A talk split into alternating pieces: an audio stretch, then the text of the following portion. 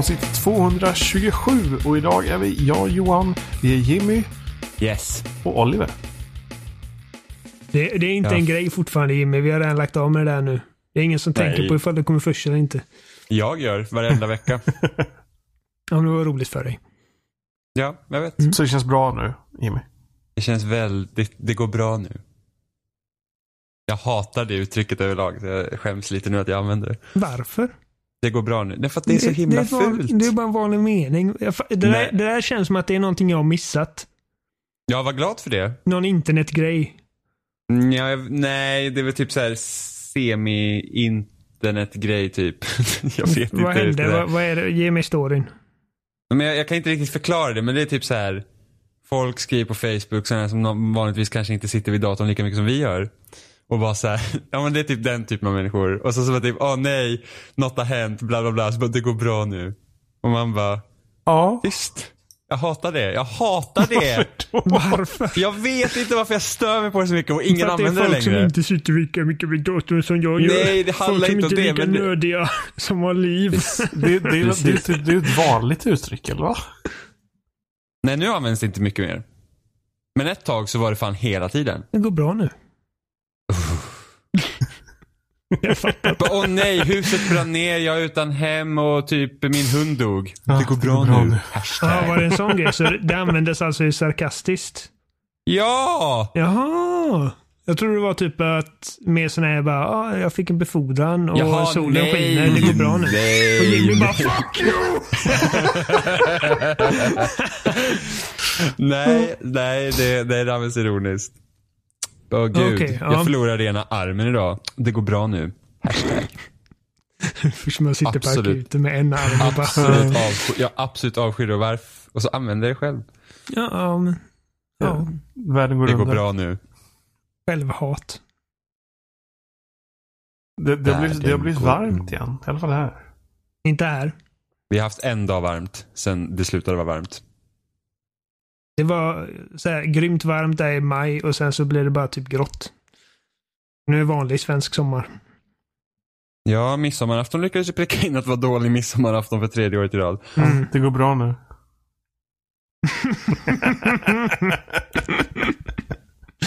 Alltså hör ni inte hur hemskt det låter? Jag tycker, jag tycker, det, jag tycker det är perfekt. Ja, förlåt mig. Jag tror jag håller på att bli sjuk. Det går bra nu.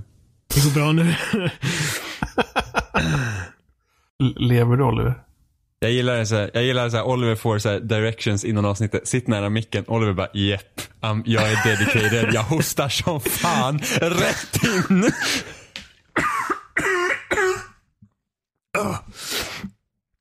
Nej, när man har en flickvän som, som är förskollärare, drar hem en smitthärd varenda dag.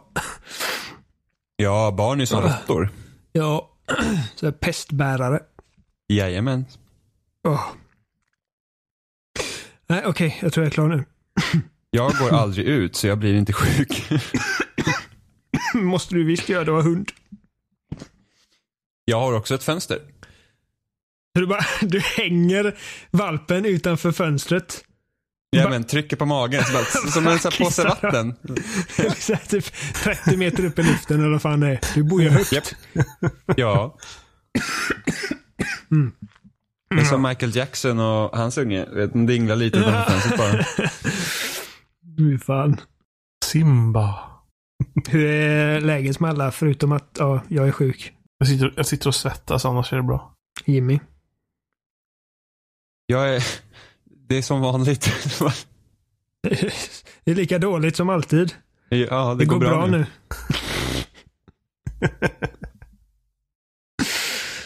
Ja, ja, men eh, förbi, bort med allt det här försnacket. Eh, Jag har spelat eh, Jurassic World Evolution och jag ska berätta. Allt försnack. Vi var, typ klara med försnack. Jag håller vad, vad ska vi prata om? Hur är läget? Så jävla kass är du. Du hade spelat Jurassic Park Evolution. Jurassic World Evolution. Om jag får be. Jurassic World är en värld då? Och inte en park? Har du fler parker? Så det är ju en park, precis som typ Disney World är. Antar jag. Det heter inte Disney Park. Disney Nej. World. Så det hade vi redan etablerat. Oh. Med tanke på att vi sa Jurassic World. Jurassic World, är det för att, nu ska vi se. Är det den senaste? Nej. De senaste, de senaste två filmerna heter World. Precis, det är Jurassic Park, sen är det The Lost World, Jurassic Park, sen Jurassic Park 3 och sen är det eh, Jurassic World. Vilket är liksom massa år senare och de faktiskt har öppnat den här parken. Den är liksom den har gäster och den är operational och sen går allt åt helvete för att de tar fram en genmodifierad T-Rex, Velociraptor, eh, Cuttlefish. Eh, Var, var Jurassic Park bara konceptstadie? Ja, alltså de hade ju byggt parken de hade ju fått, Mm, Men den, var inte, den hade inte öppnat liksom. Nej, de, de tog dit de här experterna, Alan Grant och Ellie Sattler och Ma- Malcolm. Ian Malcolm. Ma Malcolm. Det är ett jobbigt namn. Ja, det var mer att de skulle öppna parken. Men Ja, gick- de ville ju liksom, få deras liksom, för att de är typ, eh, typ experter på dinosaurier och kaosteori och grejer. Och de, de skulle liksom ge den här gubben deras blessing i princip och säga att ja, men det här ser bra ut. Men så blev det inte riktigt. Det var väl för att investerarna och eh, advokaterna skulle gå med på öppna parken typ. Ja, precis. De behövde expertutlåtanden. Väldigt bra film. Den första filmen. Men hur kan man egentligen, alltså det, det känns helt så, så jag är expert på dinosaurier men jag har aldrig hållit på med någon levande och ändå ska man typ, Nej, men om, om, om styrelsen säger att vi vill ha ett expertutlåtande, då får man ju gå till liksom det bästa man har. men Liksom. ändå. Vad, vad var det de skulle titta där liksom? Eh, på parken, på djuren och säkerhet. Eller ja, kanske inte säkerhet, de inte är säkerhetsexperter. Men liksom, de ville bara ha ett expertutlåtande i princip. Och, eh, Men vad för expertutlåtande? Kommer det, kommer det här gå åt helvete? Ja, nej. ja, men alltså. Ja, nu när du frågar det så, jag vet inte. Nej precis, det är Jag så, vi såg har filmen eh, 93. Alltså, i, ja, men Det är en inte Hollywoodfilm. Ja men inte konstigt att saker gick åt helvete. Här, vi behöver expertutlåtande. Så bara, vad ska de titta på? Ja, mm, vi behöver expertutlåtanden. Ja, men, alltså, du får ju se filmen Jimmy. De har jätteintressanta diskussioner om är det här liksom moraliskt att ta fram de här djuren. Ja men var inte djuren redan framtagna? Det känns ju att de hade behövt ha expertutlåtande på ett mycket tidigare stadie här. Jo, men det är ju, det är ju, Om det var det de skulle titta på. det är ju Men experterna som tar fram den här liksom, diskussionen om huruvida det är moraliskt eller försvarbart. Det är, Ja men det är ju för sent. ja, men de vill ju inte... Djuren är ju redan där. Men det är ju Ja, det är, men det är inte det är de ju- som har gjort djuren. Nej jag vet. Men det känns som att vi tar hit experter för att säga något. Alltså Ja, det är för sent. den här gubben som tar dit de människorna, han räknade med att de skulle liksom bara se de här fantastiska djuren som de har spenderat hela sina vuxna liv att, ut, liksom, att gräva fram. Och bara vara helt häpnadsförda. Liksom bara Åh, det här är fucking fantastiskt. Jag skriver under med en gång. Men det gjorde de inte. De var ju lite mer svårflörtade och bara... Alltså, Men jag det- förstår inte ens varför de behöver de här underskrifterna. För att, okej. Inga så, underskrifter. Det är mer liksom att de... Det var du som sa underskrifterna här. ja, men jag, men... jag tolkar det som snarare som att, att de har startat upp parken. De börjar bli redo att ta dit gäster.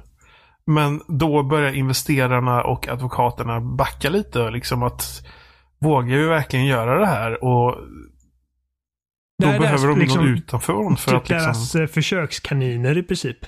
De skickar dem på de här olika rundturerna och attraktionerna och tillsammans med han eh, ägarens eh, barnbarn också, två stycken. Jag tänkte det för jag såg så, om de den här är, så, de är, så de är parkgående experter och inte nödvändigtvis dinosaurieexperter? De är inte experter på theme parks. Ehm, Alltså det här, det här, inte konstigt att det havererade. nej, men det, det havererade på grund av att det är, liksom, det är inte meningen att dinosaurier ska existera med oss människor. Nej, nej, men det är inte så konstigt heller. De tar ju dit fel experter. Ja, men experterna har ingenting med Det det, var inte experternas fel att allting havererade.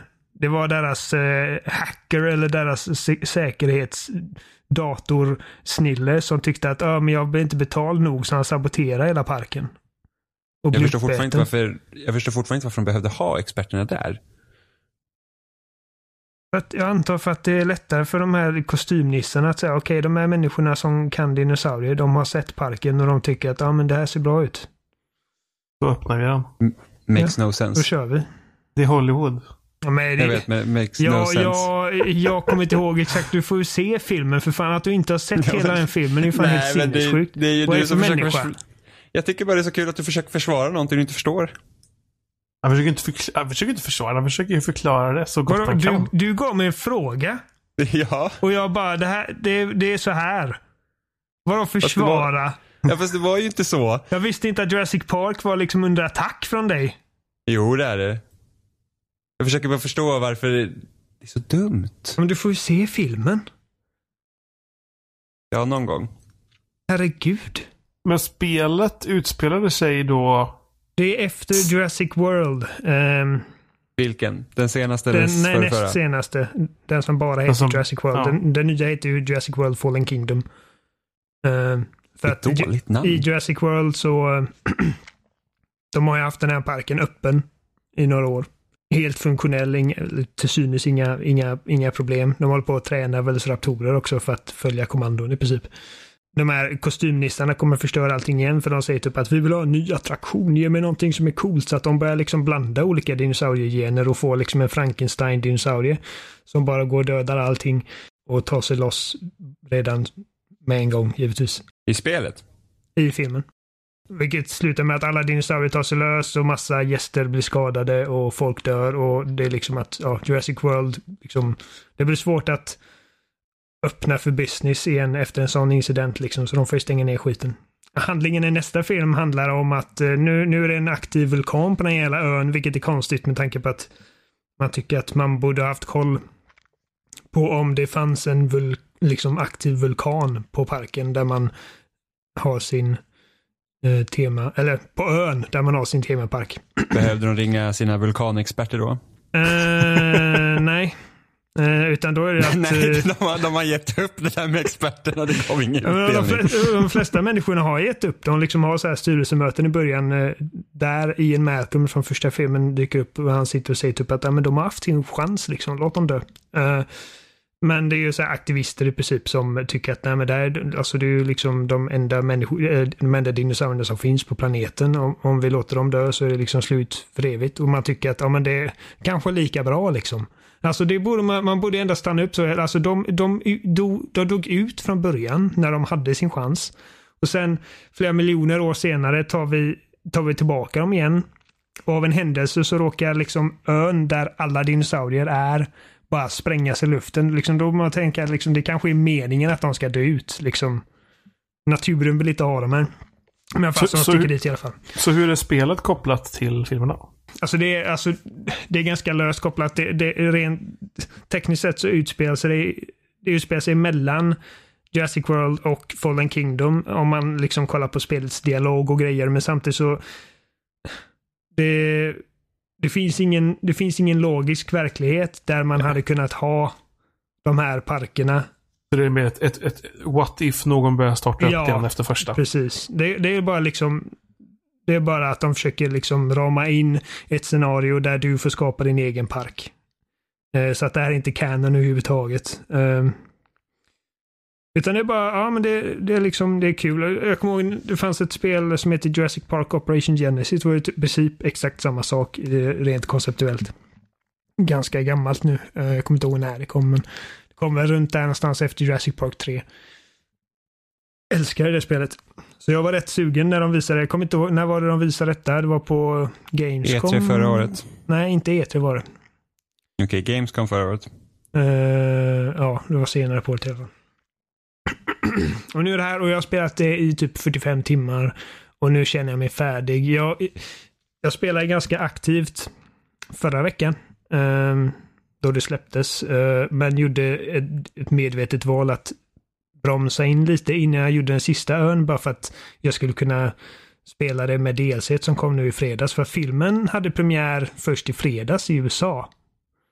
Eh, Jaha. Den hade premiär här i Sverige för typ två veckor sedan. Vilket jag inte visste. eh, Att det var sån skillnad. Så att de har ju lagt till sex nya dinosaurier från den filmen. Så jag ville invänta det innan jag spelar klart det liksom. Eh, Och det är kul. Jag gillar det. Det har varit roligt. Jag, eh, jag man ska ändå man ska känna till det om mig att jag spelar inte många sådana här spel. Så att om vi säger typ du då Jimmy som jag vet och även du Johan, du har spelat City Skylines exempelvis. Eh, så här liknande spel när man bygger någonting. Eh, och eh, nu vet jag inte hur djupt eller hur omfattande det, det spelet är för jag har bara liksom droppat tån i det pyttelite. Eh, men det kan hända att det här kanske känns lite ytligt, lite liksom eh, begränsat i utförande och jag baserar det helt och hållet på att jag har kunnat spela detta och förstå allting och jag har inte fastnat någonstans. Eh, så det säger mig ändå att eh, liksom för, för någon som kan den här genren så kanske det inte är världens mest avancerade spel. Men för någon som mig var det jätteroligt. Väldigt välanimerat. Jag har aldrig sett jag har sällan sett så här liksom detaljerade och lifelike dinosaurier i ett spel. Jag försöker komma på någonting men jag tror inte det alltså. Um, Dinosaurien i Super Mario Odyssey. Nej, inte den heller. ja, vad dåligt. Dåligt Nintendo får...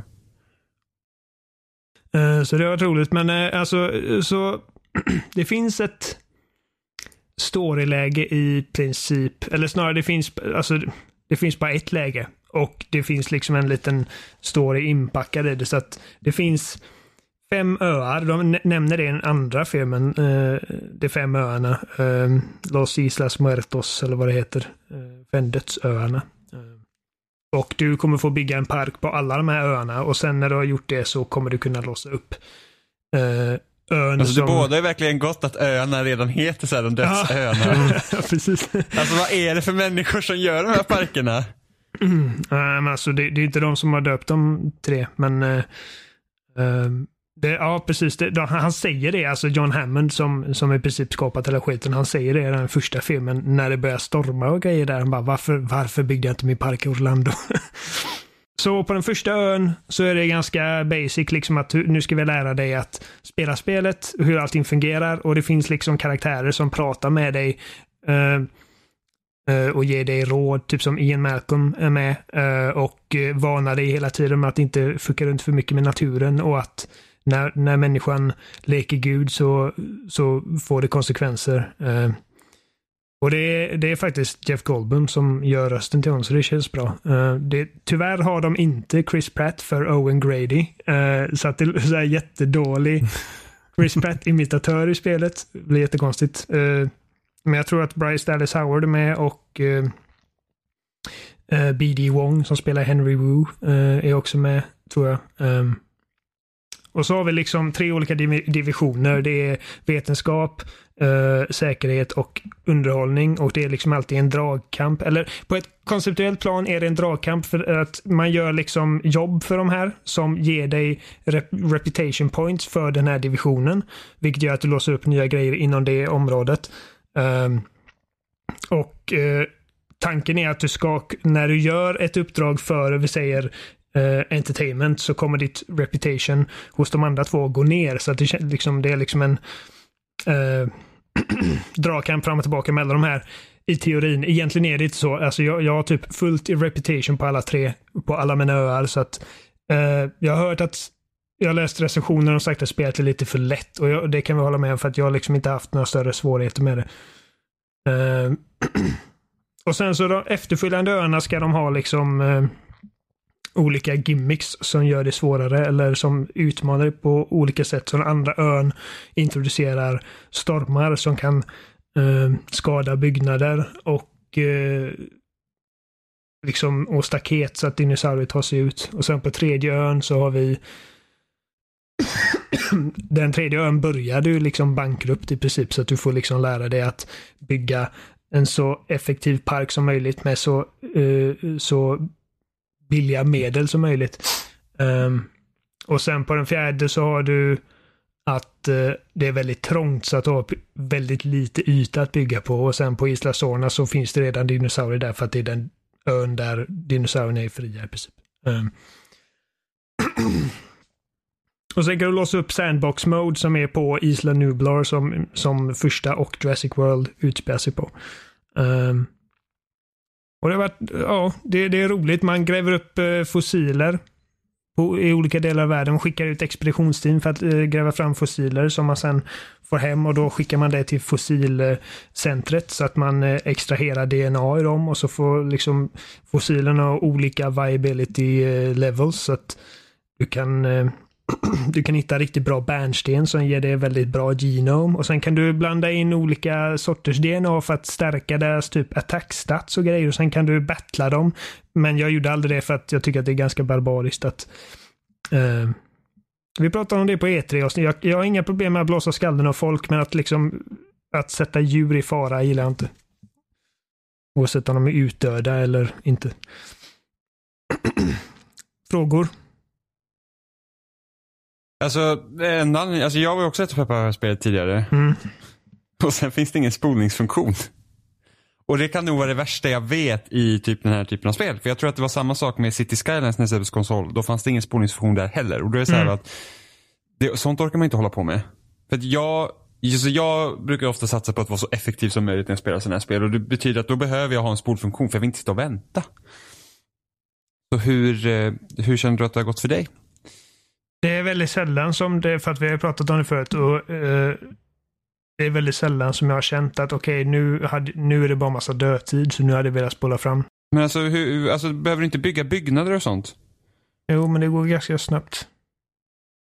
Vad är ganska snabbt? Alltså, jag tänker så här att när du ska forska fram fossiler och sådana grejer, liksom, där tar det ju också massa tid som man hade kunnat spola förbi. Så två minuter brukar det ta som högst att få fram eh, ett expeditionsteam fram och tillbaka. Och under den tiden så kommer du ha andra Ja. grejer att eh, pilla med. Eh, så du ser hela tiden liksom två minuter eller less than a minute brukar det stå. Eh, och eh, jag menar att när man bygger typ, alltså olika byggnader tar ju olika lång tid att bygga givetvis. Jag menar, en, eh,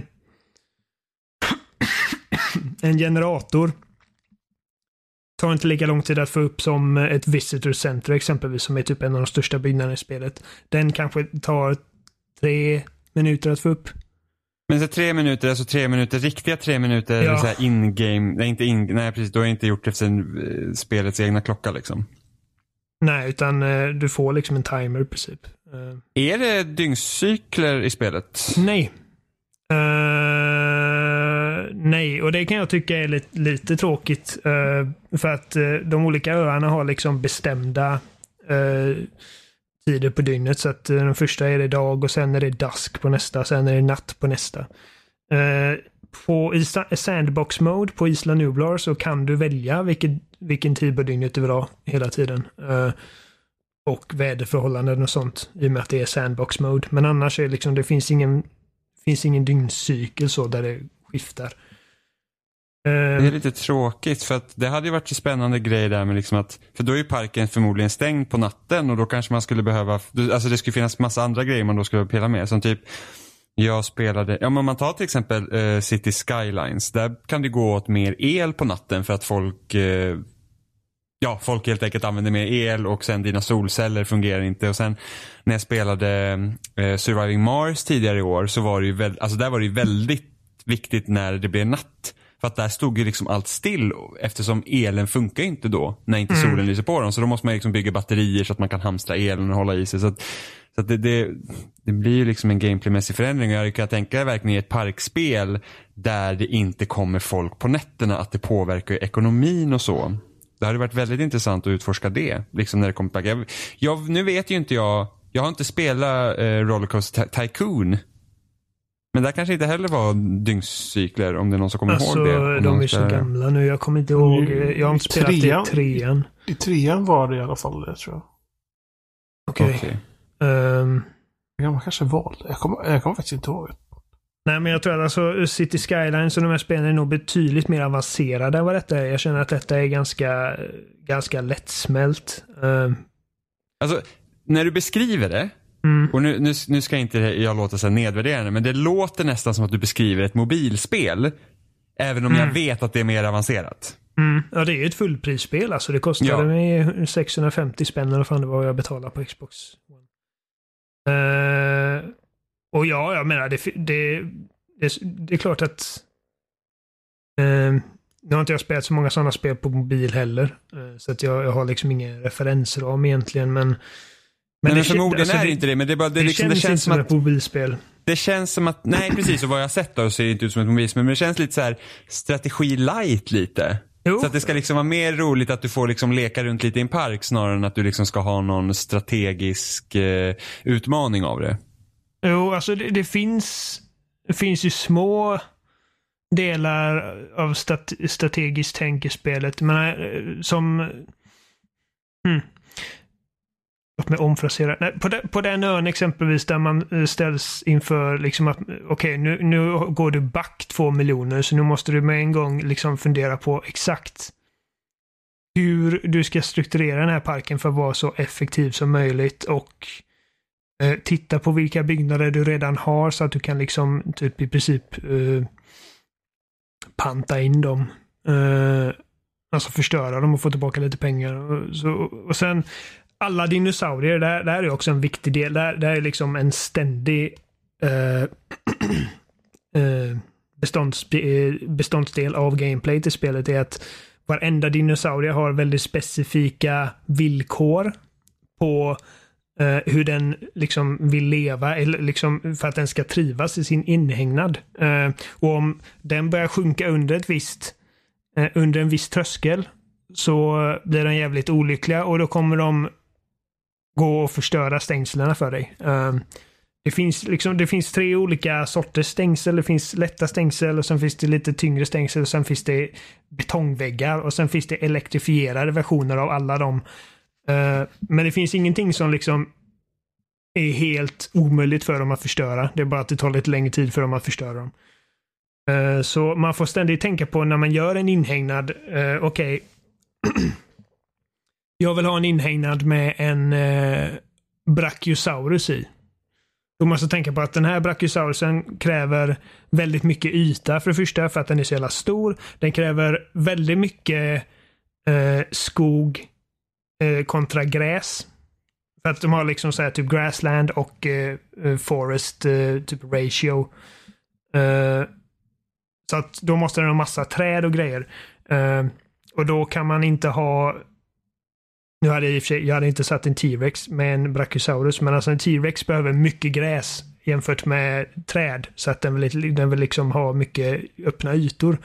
Sen kan man tänka på eh, en Ankylosaurus trivs inte i en inhägnad som har fler än åtta dinosaurier i sig. Så då kan man inte slänga in dem med... Jag tänker på en sån här jättestor anka bara. Nej, det är en bepansrad grej som har en stor klubba. Jo, jo, jo, men ändå. Det, det, det ser uh, framför mig.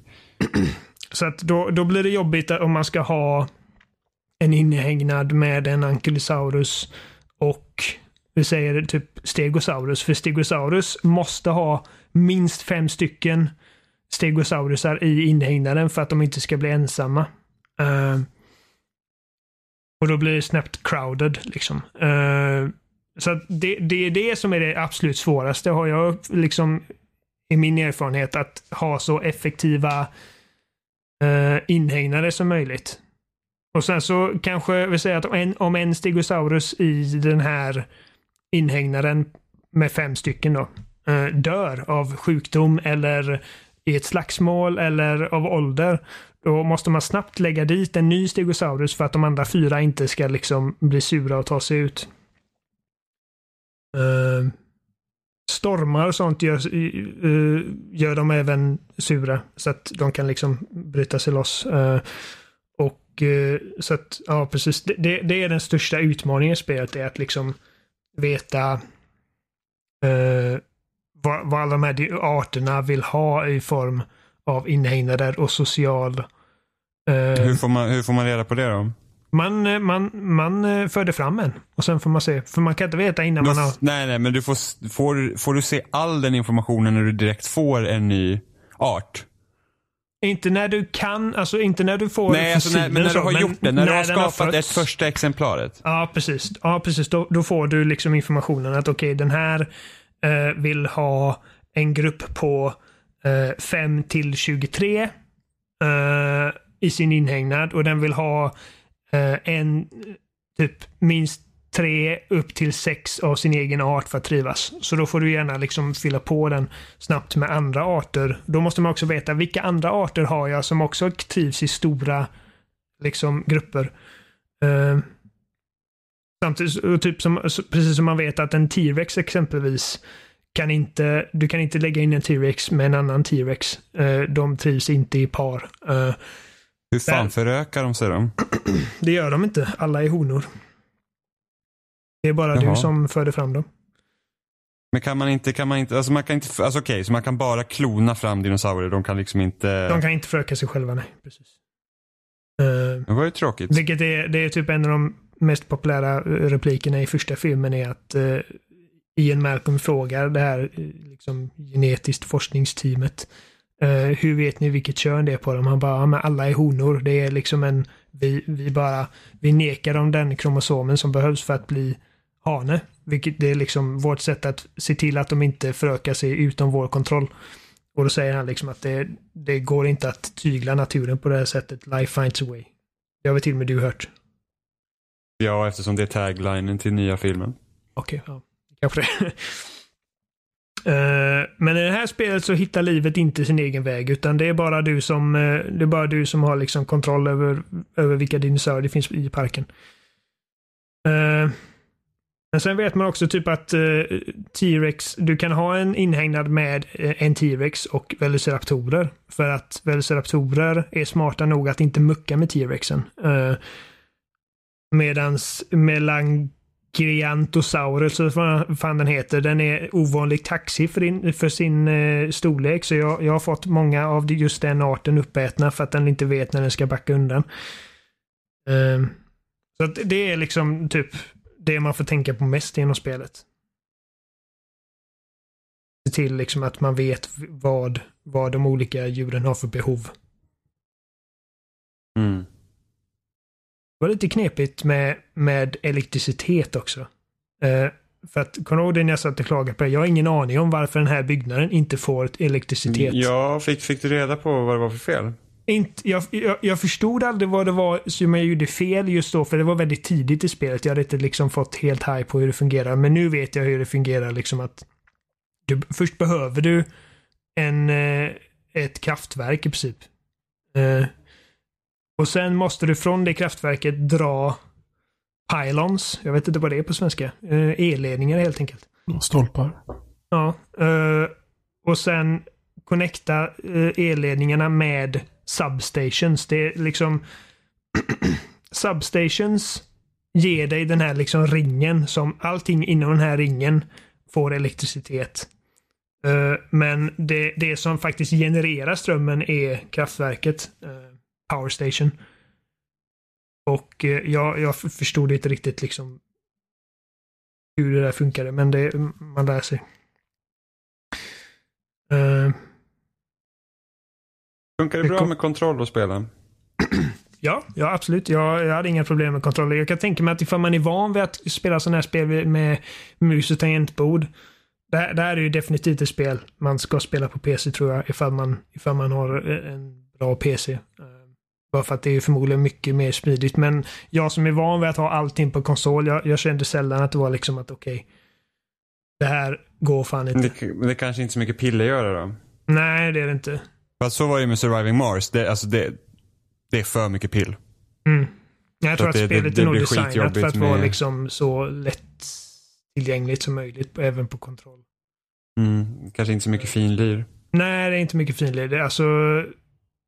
Ett I Rollercoaster Tycoon exempelvis kan man ju liksom trycka på enskilda besökare och se vilket humör den här besökaren har.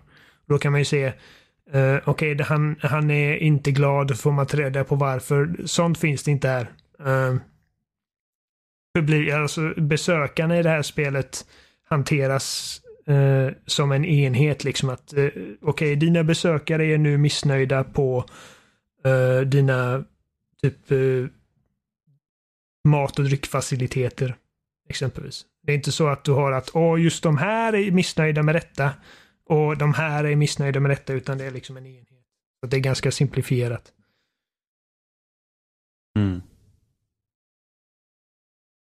Men eh, alltså ifall man är liksom i mitt läge som är med eh, Jurassic Park är en av mina absoluta favoritfilmer. Eh, och, och är sugen på ett liksom light simspel där du får bygga en egen park så kan det absolut vara värt att ta en titt på. Även om jag känner att det kanske...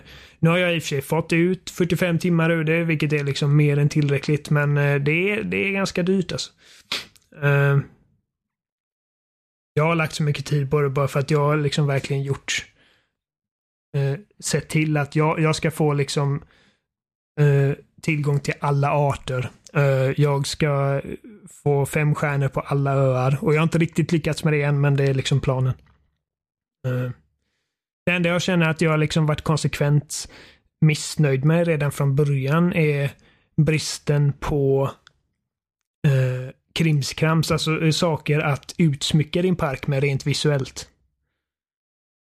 Eh, jag hade gärna liksom velat sätta ut typ eh, fina lyktstolpar.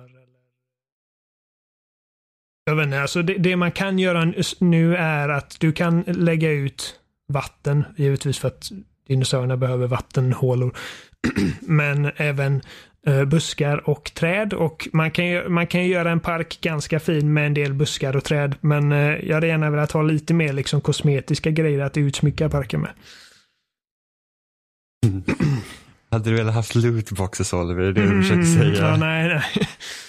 nej, jag menar bara liksom typ, alltså, det, det, det, finns, det är mycket liksom funktionalitet före form här. Uh, jag hade gärna haft lite mer liksom, kontroll över uh, hur att du faktiskt får såg ut. Att du får mer göra en park liksom. Mm, ja, men uh, liksom gör den trevlig att titta på. Jag tror att, alltså, jag tror att du Jimmy, du har nog kunnat göra rätt trevliga parker i det här spelet. För att jag, jag är så fantasilös när det kommer till sånt. Mm, fast när det kommer till sådana här spel så brukar jag inte känna att jag behöver jag känner väl inte riktigt att jag behöver eh, det estetiska utan jag är, jag, är, jag är med för det tekniska när det kommer till sådana här spel. Typ som min stad i City Skylines skulle inte jag säga är jätteattraktiv utan det är bara så här, hur får jag in mest pengar? Och så får det gå runt. Det är mm. ungefär så jag tänker när jag spelar sådana här spel. Det är typ som Malmö. Va? Bara, det bara fungerar. Det behöver inte vara fint aldrig reflekterat över om Malmö är fint Nej, jag vet inte. Jag, det var bara ett hata Skåne-skämt. så att Aldin ska störa sig när han lyssnar. Jag tror, all, tror alla städer jag har gjort i City Skyline så är det bara att fyrkantiga rutor överallt. Ser jättetråkigt ja. ut. Ja, det är lite olika. Det... det kan finnas en viss, liksom, en viss skönhet i en liksom väldigt funktionerlig park slash stad också givetvis. Alltså det går ju, det går ju såklart, alltså, typ kör man, man kan ju typ köra någon sån här creative mode, typ i City Skylines där man har unlimited med pengar och sånt. Då kan man ju säkert göra liksom en snygg stad så att säga. Ja. Uh, men för att jag kan ju också börja säga typ att ah, men här ska jag ha här ska liksom vara typ uh, så här underhållningscenter liksom i stad så kan man bygga någon så här uh, tar man stadion och grejer och sådär och så försöker man liksom göra vägarna ganska snyggt. Men sen kommer man till en punkt där man behöver landmassor och bygga hus ändå. Så man bara, fuck it, bara fullt där. Så. Mm. Ja, men jag, tror att, eh, jag tror att jag får, jag får sätta mig ner med City Skylines och ge det mer av en chans. Ja, men City Skylines är jättebra. Det, jag, jag tycker inte att det är speciellt svårt. Uh... Jag tycker det blir svårare och svårare. Alltså... Vad ligger svårighetsgraden där i? Det, det svåra är ju när det börjar bli mycket folk och alla vägar blir röda. Jo, jag vet, och... men jag har aldrig haft problem, jag har aldrig haft problem att få in pengar. Nej. nej, liksom, nej. Pengarna aldrig, det är liksom, jag har aldrig varit nära att gå i konkurs. Eh, det, det, beror, det, det, är om man, det är om man, det beror på hur man bygger i början. Man, om man bygger fel i början. Jag har gått i konkurs ibland i början. Okay. Direkt. Det första jag gör typ. Liksom, för jag, har byggt, jag har gjort så mycket pengar. Och inte lagt ah, okay. på rätt saker. Ah, okej, okay. ja, jag, jag har inte gått i konkurs. Men då får man en eh. bailout och så brukar man uh, kunna fortsätta ändå. Precis, men, men mycket i eh, Alltså svårighetsgraden i City Skylines är det att om man då inte hamnar i, liksom, i en risk att du inte får in pengar mer. Men liksom man, jag har ju ändå gått minus ganska mycket ibland men då har jag liksom haft ett ganska bra kapital. Och, och där, att få staden att gå runt är svårare på det sättet att den liksom är fungerande som då med trafiken till exempel. Ja. Eh, är det stopp i trafiken någonstans, ja då, kom, då, då, då kan det liksom riktigt köra ihop sig och du får invånare som inte är nöjda. Eh, så att jag hade, i min stad som jag på Xbox så då hade jag väldigt mycket problem med, med sophanteringen. För jag hade liksom ett sopcenter i en del av stan där liksom all, alla mina sopor, liksom, här, alla mina sopbilar kom från det här stället. För jag vill liksom inte, jag vill inte förorena staden på så många ställen. Och sen när staden liksom växer ut, då kommer inte sopbilarna runt överallt. Så jag började liksom bygga tunnlar från det här sopcentret som Aha. går ut till olika delar av staden för att lösa det. Eh, så, att, så att jag har liksom ett helt tunnelsystem som enbart är gjort för sopbilarna att ta sig runt i staden. Eh, jag brukar, göra, tror... jag brukar göra ganska mycket tunnlar i det spelet när jag behöver extra infart i städerna. För att slippa göra en massa fula vägar som syns överallt. Mm. Jag vet att Emma körde ju, Emma så specialiserade på cykelvägar. Så att hon har typ hur mycket cykel och gångvägar som helst i sin stad. Liksom så här. Alltså det, det ser ut lite som det här att man har, alltså jag tänker bara den här eh, bilden från eh, Always Sunny in Philadelphia när han står med den här kartan med massa röda streck du vet. Typ den galenskapen är det Emma stad med hennes vägar. Alltså det är så komplicerat men det funkar. Det är rätt så roligt faktiskt. Ja, ja men det, jag, ska, jag ska testa det någon gång framöver. Mm. Ja, men alltså jag älskar ju så här, alltså City Builders är skitkul. Så jag var ju, jag var ju så pepp på SimCity när det Just kom, det, där ja. Eh, och sen så hade man bara så himla liten plätt att bygga på. Så att du, liksom, du, du byggde din stad och efter två timmar så hade du fyllt den. Och då var det bara så här, "Jaha, då är det så här maintain eller så kan Ja. du bygga en ny stad. För eh, mycket i SimCity 2013 var ju det att det var den här hela online-komponenten vilket jag tyckte var rätt så intressant. Att man skulle vara flera stycken i en region som eh, byggde saker och sen så fick man eh, köra olika specialiseringar och så skulle man liksom kö- köpa med och byta med varandra. Alltså det är en skitbra idé för liksom en, en, en stadsbyggare så här. men det är ju verkligen skittråkigt om man då spelar själv för då måste man hela tiden hoppa mellan olika städer och man måste bygga upp en viss stad för en viss typ av eh, grejer som man ska specialisera sig på. Men när städerna blir tillräckligt stora så kommer det inte räcka. För till exempel, säg att jag, ja, men jag satsar på att fixa jättemycket el så jag bygger kärnkraftverk och grejer. Men jag kommer komma till den punkten där jag behöver så mycket el själv att jag inte kan byta längre. Jag kan inte, jag kan inte sälja min el till en annan stad. Och då kan det finnas en annan stad som är helt beroende av min el. Eh, så det kommer inte funka och säga att den specialiserar sig på något helt annat. Men när stan blir tillräckligt stor då, då måste, behöver man allt själv. Så det, det var ju det som var det tråkiga problemet i, eh, i SimCity 2013. Tala om det så tror jag att eh, du har nog också varit missnöjd då med utrymmet i Jurassic World faktiskt.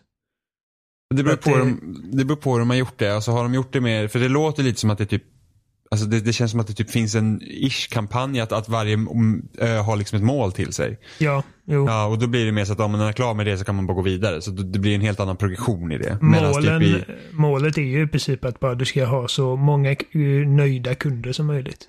ja, för att i City Eh. Skylines då är det liksom så att ja, men, mm, alltså du, du börjar ju på noll och sen så du ska bara få stan att växa. Just det, det, det glömde jag också. Det finns liksom, det finns så att säga story-uppdrag eh, som man gör. Eh, jag, kommer- jag tror det var första uppdraget för säkerhetsdivisionen. För det, det är som sagt tre divisioner och varje ö har ett uppdrag som man gör för varje division. Ehm, jag tror att första säkerhetsuppdraget eh, på den första ön var Ja men nu ska vi testa vår liksom respons på, eh, på våra liksom asset containment unit. Ehm, så släpp ut en dinosaurie är du snäll så får vi se hur vi hanterar Jag bara what? Ja, de har inte kommit undan med i verkligheten. Släppa lös en dinosaurie på kunderna bara för att se hur man kan hantera det. Nej, det känns ju lite... Jag släppte lös den minsta gräsätaren jag hade. Och panik utbröt och så visade sig den här gräsätande dinosaurien här blivit helt blivit köttätande dinosaurier. och så här, oh, I got a taste for human flesh. Nej, men eh, det var många gånger som jag kände att okej, nu, nu... Jag hade gärna haft mer yta alltså. Eh, och jag förstår liksom att det, det är ju en del av utmaningen i spelet är att du inte har oändligt med yta. Du ska liksom ha... eh, du ska göra så effektivt ifrån dig med den ytan du får. Men sen även i sandbox-läget så kände jag att okej, det, här var, det här var inte så stort. Um, vilket var synd. Mm. Jag, har alltid, jag har alltid känt att okej, men alltså på Sandbox-ön där så ska jag verkligen göra den ultimata parken. Men det, det hade jag inte plats med.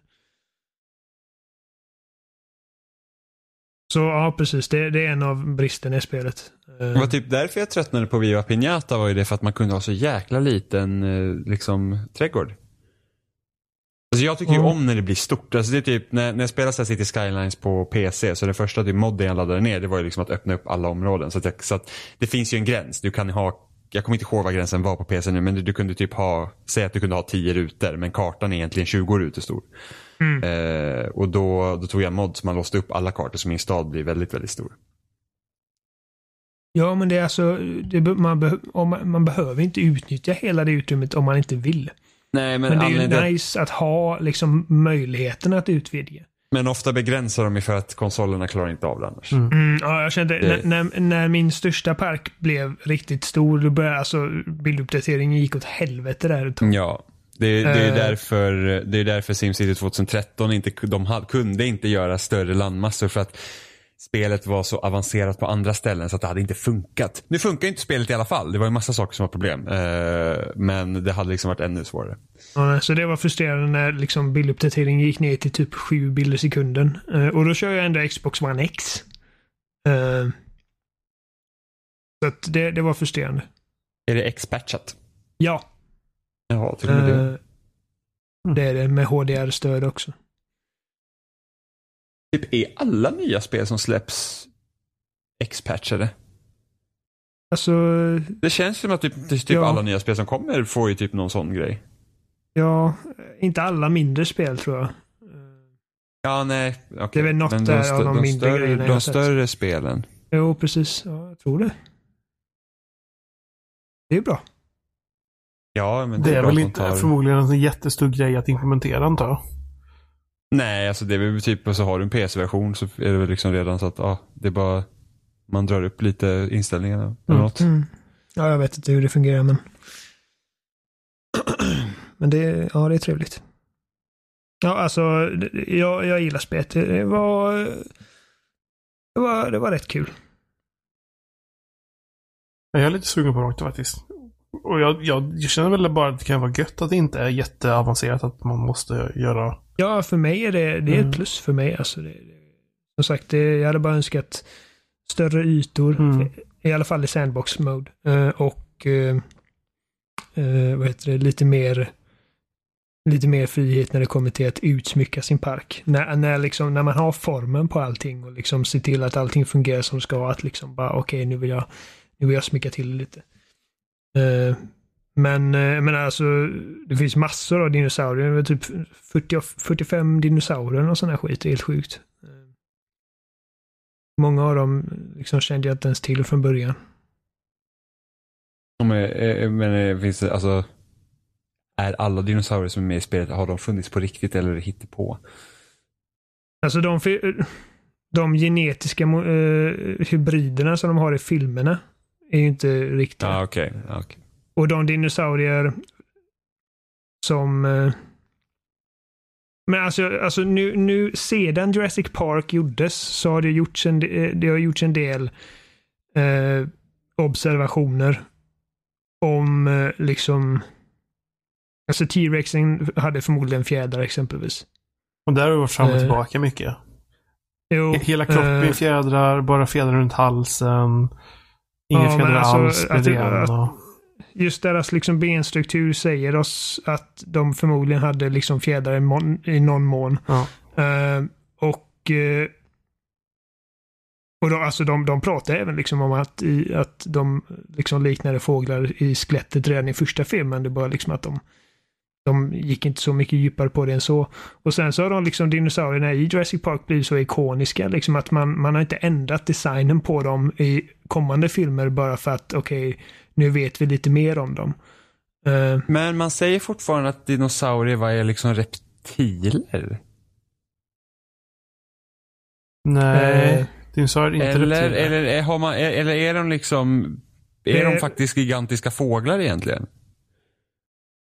Det, det, de är väl inte helt överens om detta tror jag. Sen, sen är det olika också. Sen är det de här, de här Ja. fl- flygdinosaurierna, kommer vad de heter?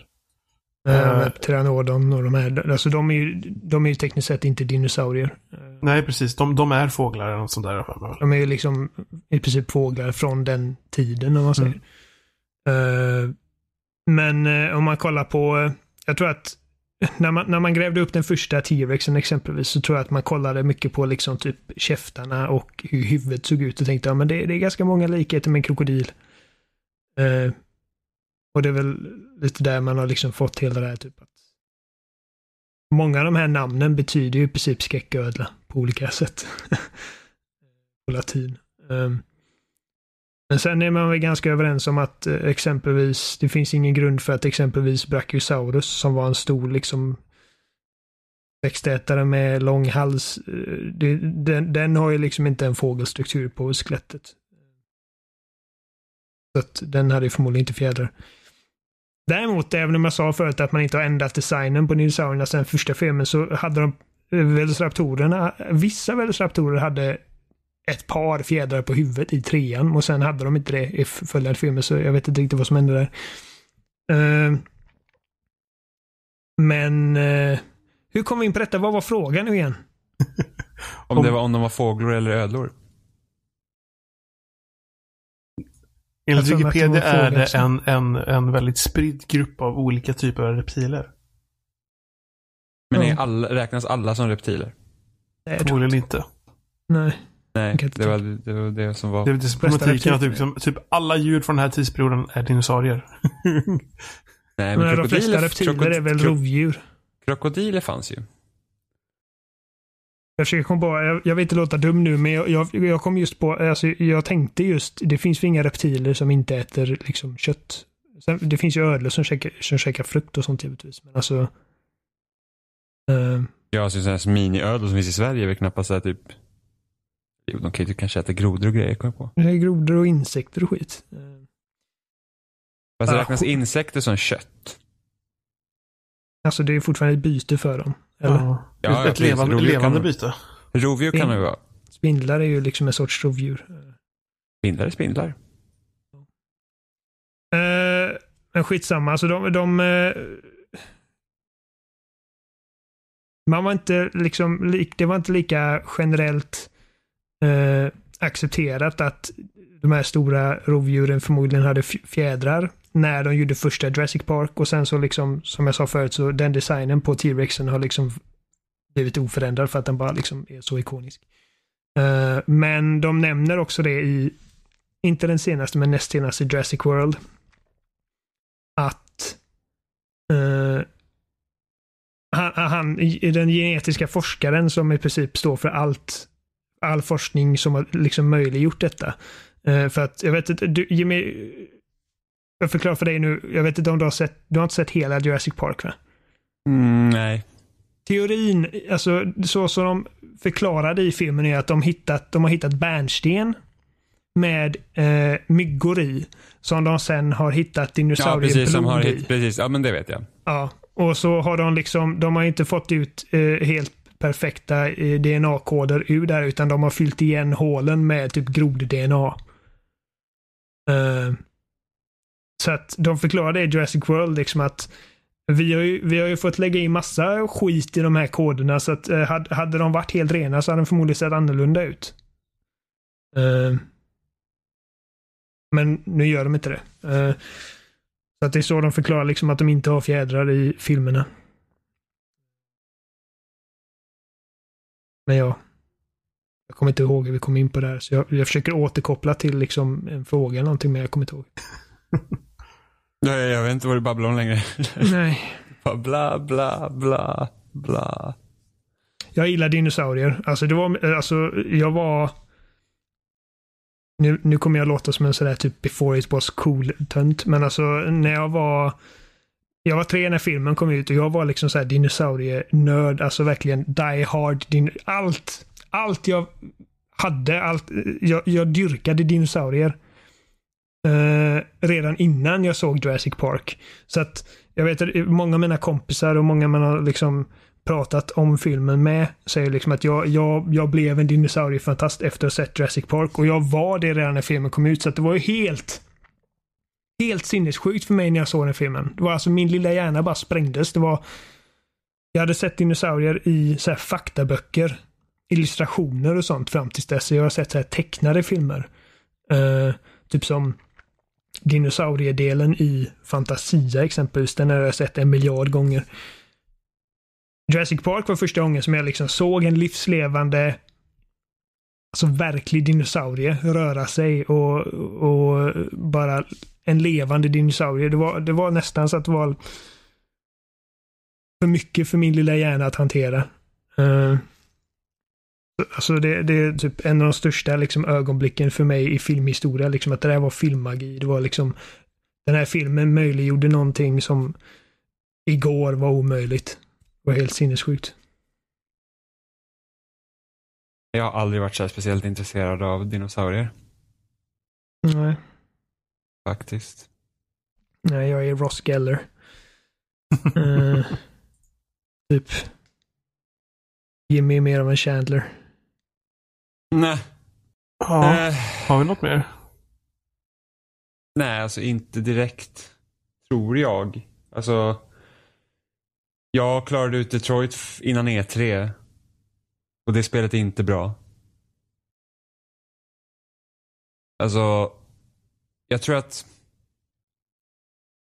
jag vill nog säga att även om Beyond Two Souls var en väldigt resa med upp och ner och väldigt havsverk emellanåt så tycker jag nog att Detroit är hans sämsta spel som jag har spelat. Då jag spelat Heavy Rain och eh, Beyond. Och det är helt Eh. enkelt för att det inte säger dig någonting. Nej, jag klarar spelet bara så här. jaha, det var det. Alltså, kände ingenting, liksom, det är ingen så här emotional punch, ingen outrage. Nej men det är så himla, alltså det är den här klassiska David Cage-grejen att han tar i saker som han inte riktigt kan hantera och leverera. Men Det är eh, liksom- Beyond, eh, Beyond som jag har kritiserat hur många gånger som helst, den har i alla fall fått mig, fått Ja, mig Beyond- att känna någonting. Beyond hade ett Ilska par, och...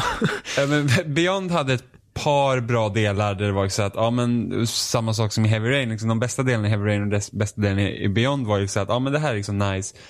Eh, det finns inte riktigt några sådana i, i Detroit. Sen har jag efter det också sett liksom andra så här, typ vad det finns för andra slut och, och herregud. Det, det kunde ha varit så mycket värre än vad jag fick. Mm.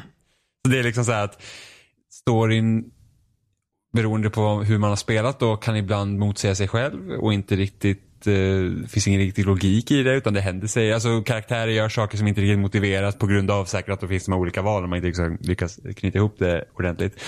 Men för min del så var det så här att ja, en av tre storylines är intressant. De andra två är skittråkiga. Alltså det är typ så här, du har du har ju Connor som ska leda den här revolutionen som då, han blir typ någon Martin Luther King Gracie och typ helt citerar grejer från det på ett väldigt så här, man bara, ha, alltså det här var ju väldigt konstigt och på, skrivet på näsan. Sen har vi hon Kara som typ blir någon modersfigur till något litet barn där och liksom den kop alltså, kopplingen mellan de två var så här, jaha det, det är liksom okej, visst, fine. Eh, och sen har du då han eh, Nej vänta nu, det var inte Connor som räddade revolutionen, det var någon annan. Nu ska vi se, Connor är Marcus. polisen. Marcus räddade revolutionen, alltså, ser du, kommer inte ihåg namnen på dem. eh, Connor är polisen och så han är mer intressant för att där finns det liksom så att han är ju en robot som är Ja men som ska då liksom han är programmerad till att lösa brott så att han liksom känner Mm. ingenting liksom för mannarobotarna. Och sen så under tidens gång så blir han liksom ifrågasätter lite så här sig själv och hur är det liksom att vara mänsklig. Så man kan man ju välja att spela honom bara rakt som en robot eller så kan man liksom välja typ att låsa upp honom då så att han blir liksom får de här frågorna eh, allt eftersom. Men det är fortfarande så här, alltså ja. Alltså David Cage han säger att han vill liksom eh, alltså sättet han vill Sättet han pratar om spel där liksom att åh, det är konst och liksom att man ska kunna berätta den här typen av historier och sånt. Och så gör han dålig actionfilm från Hollywood liksom. Eller typ Uwe Boll. Du, prat, vi, vi, du och jag har ju pratat om detta och vad du tycker om spelet privat. Och ganska direkt efter att vi hade pratat om det så såg jag en tweet om spelet som liksom jag bara kände det här hade, det här hade kunnat vara direkt från vad Jimmy berättade. Mhm. Eh, han säger Aspiring sci-fi authors, take note of Detroit Become Human. It's an incredible testimony to science fiction's potential as a genre to say absolutely fuck all about any goddamn thing. I won't lie Nej, to you, it's not David Cage har ju easy to make a... Du? Fortsätt, For- jag tror du var klar, fortsätt. Nej, det, det är två tweets. Han säger eh, I won't lie to you, it's not easy to make a miniseries length publisher funded megadrama that explores ideas of identities, humanity in our increasingly technological society without actually having any. But Detroit Become Human is proof that it can be done fucking somehow. Ja, alltså det säger verkligen absolut ingenting. Det undersöker ju inga av de här intressanta temana. Liksom, så som man tänkte på det här Kara-demot eh, som vi har pratat om många gånger och det var därför liksom jag hoppades att de skulle göra ett spel av det. Var ju det här liksom att de sätter ihop henne, hon får en mänsklig tanke av något slag. Liksom att hon känner inte någonting. dö. Nej men hon känner någonting. Ja. Och det ska de inte göra. Och det är så här, what? Alltså det hade varit så intressant om det hade varit inte en jävla actiongrej, inte en jävla typ, åh nu ska vi liksom göra typ, alltså någon förslavning av Android som är egentligen, alltså Egentligen om man ska se det krasst så är ju en Android är ju precis som en dammsugare. Den är byggd för att ha ett jobb. Den ska, alltså det är vad den är. Ja. Nej men alltså det är ju det. Det är liksom det är mer, det, det är mer avancerat än en dammsugare. Men liksom, det, är, en- det är en maskin. Ja, men, ja, precis, det är en maskin. Som är byggd Med att ett syfte. Ja, vad gör man en maskin som då är gjord för att den ska städa, då är det den gör. Liksom, enda Mm. anledningen till att vi liksom egentligen har den här diskussionen så det är för att de ser ut som människor till exempel. Mm. Eh, någonting händer så att de här får liksom något medvetande. Det förklaras inte varför. Och sen får en av dem, Marcus får en jävla handpåläggningsgrej som aldrig förklaras. Att han tar i en Android och sen blir den medvetande och sen är man med liksom i revolutionen. Det är liksom, det är, Jaha, så att alla Androids har inte känslor? Nej, utan det är Nej, de typ så ska här, inte ha det. de- de låses upp av något slag. För att någonting, i storyn, så här, någonting händer som gör att de här Androidsen bryter sig loss. Och får liksom självstyre. Eget eller vad- alltså, tänkande, precis, alltså, liksom- ja, vilja. Precis, typ. Eh, och Marcus har någon form av Alltså, han har någon förmåga sen så att han rör en Android och sen så låses den upp. Och automat, vet inte. Automatiskt då så följer de här Android med honom för att joina revolutionen. Det är liksom inte, det är så här, det är typ som att Han är jag, typ Jesus. Ja men typ. Ja, men det är så här, jag ska gå till dig Oliver, så jag bara Oliver, nu gör vi det här och du bara ja. Det, är liksom, det, det liksom finns ingen, det finns inte ens någon konflikt där för det är så himla och liksom har de här marscheringarna, alltså marscher de går liksom och så här. Alltså det är så taget ur hela the Ja, civil rights motstånds- movement. Ja, precis. Precis. Och, och liksom och även så här. Ja, Det är ungefär som det- att stå på liksom giganters axlar och göra Ja, ja. någonting för någonting. Ja, och sen typ och det värsta är att David Cage har sagt innan så här att nej men mitt spel handlar inte om någonting utan det är typ bara den här settingen vi handlar om. Och sen bara okej. Du vill inte att det ska handla någonting men du tar, du, du tar liksom med alla de här delarna. Och så tänker man liksom vilket klimat världen befinner sig i just nu. Och har ingen ambition av att säga någonting om någonting. Alltså det, det är så himla, det, det, spelet faller så platt. Det är verkligen så här, man bara jaha. Alltså det till och med finns koncentrationsläger för Androids i det här spelet sen. Och man bara, Du kunde inte Androidsen göra det mer tydligt. åka bak i bussen också. ja men alltså det det är så himla det är så himla direkt att det inte finns någon chans för eftertanke och samtidigt så finns det ingen ambition att faktiskt säga någonting med det heller utan man bara säger jag vill göra en dum actionrulle typ. Det känns som att han vill, typ- det, alltså det låter som att han vill göra för mycket också. Ja, men in, ja, nej, det är inte samma, i alla fall inte samma problem som Beyond här. Även om jag tycker fortfarande att det hade varit bättre att följa en karaktär snarare än alla tre som egentligen inte har så mycket med varandra att göra. Men man får lite olika perspektiv hur det är att vara Vil- en Android vilken, här. om du får välja, vilken av de här tre karaktärerna, Cara, Marcus eller Connor, hade du känt att de borde fokuserat på helt och hållet? Ja, Vilk- Connor. Okej, så, så eh, För att det hade ju Ja. fortfarande varit skitintressant det här. För att, för att Connor är ju en polis som, som eh, undersöker det här eh, det här eh, att, att, att Androids får frivilliga. Som de kallar deviants. och han har inte fri vilja medan han gör detta eller? Nej. Jag blir så förvirrad. Alltså när du säger typ att Marcus har förmågan att frigöra de här eh, androidernas sinnen och göra dem till egna, liksom egen tänkande Ja, ja, men det varelser. ro- ja, men det Hur? ro- Vad är det med honom? Får man reda på vad det är med Marcus? Nej, nej, nej. Han, man får, liksom, det, det, är liksom, beröring. det är en klassisk David Cage-lösning. Nu bara är det så för att det funkar. Det är hit vill jag Fick- komma med mitt manus. Fick, fick man reda på hur Aiden blev liksom fastklamrad med eh, Jodie i eh, Beyond? Jag kommer inte ihåg det. Nej. Men det, Jag det vet- tycker Nej, det tror jag. Jo, jo, jo, jo, det fick man. Jo, det fick man. Man fick veta var, vem Aiden var. Eller varför Ja, jag, Aiden kommer hade... ihåg, jag kommer ihåg vem Aiden var. Det fick Ja. man ju reda på. Men alltså, liksom hur blev Nej, det men- så? Fast det, tyck, det, det, det tycker jag inte behövs förklaras. Det är en grej som jag känner att det inte behövs förklaras. För det är liksom bara så att, för att alltså, så mycket kan man köpa. Jodie har någonting som följer efter henne. Fine. Ja, okej. det- det är ja, men liksom- i det, spelet. det- Men alltså i ja. det här spelet, om du ska ha en android som plötsligt kan röra vid andra androider och göra dem till liksom frihetskämpar. Alltså, då måste man ju förklara Ja men, så här, ja, men precis, det, det är så bara så att, det är typ som att vad är det med honom som vi gör måste, liksom, ha, vi måste ha folk som följer efter honom så att han liksom skapar den här revolutionen. Men vi kan inte skriva det för det blir väldigt mycket spel vi måste göra. Så vi får hitta en nödlösning. Det är typ så det känns. Så det förklaras inte, men inte bara det. Ironiskt nog så förslavar ju han då, känns som att han förslavar Androids också. För det är ingen som ifrågasätter vad han gör. Det är inte som att de här Androids, när de får fri vilja, liksom får fri vilja. Utan alla bara såhär, japp, hoppa med tåget. Nu ska vi liksom. Alltså, Nu- jag, jag funderar på om det inte bara är så att David Cage borde göra film. För att alltså, nej. Cara-demon Men- var men- intressant. Han för kan, att, göra, han kan göra kortfilmer på fem minuter då. För att det är liksom, det är så lång tid det inte tar innan det blir helt åt helvete. Jo, men alltså om vi tar Cara. vad är det, typ en så här fem minuters tid, minuters teknikdemo. Det är typ en Ja. cutscene i princip. Hon börjar liksom monteras ihop.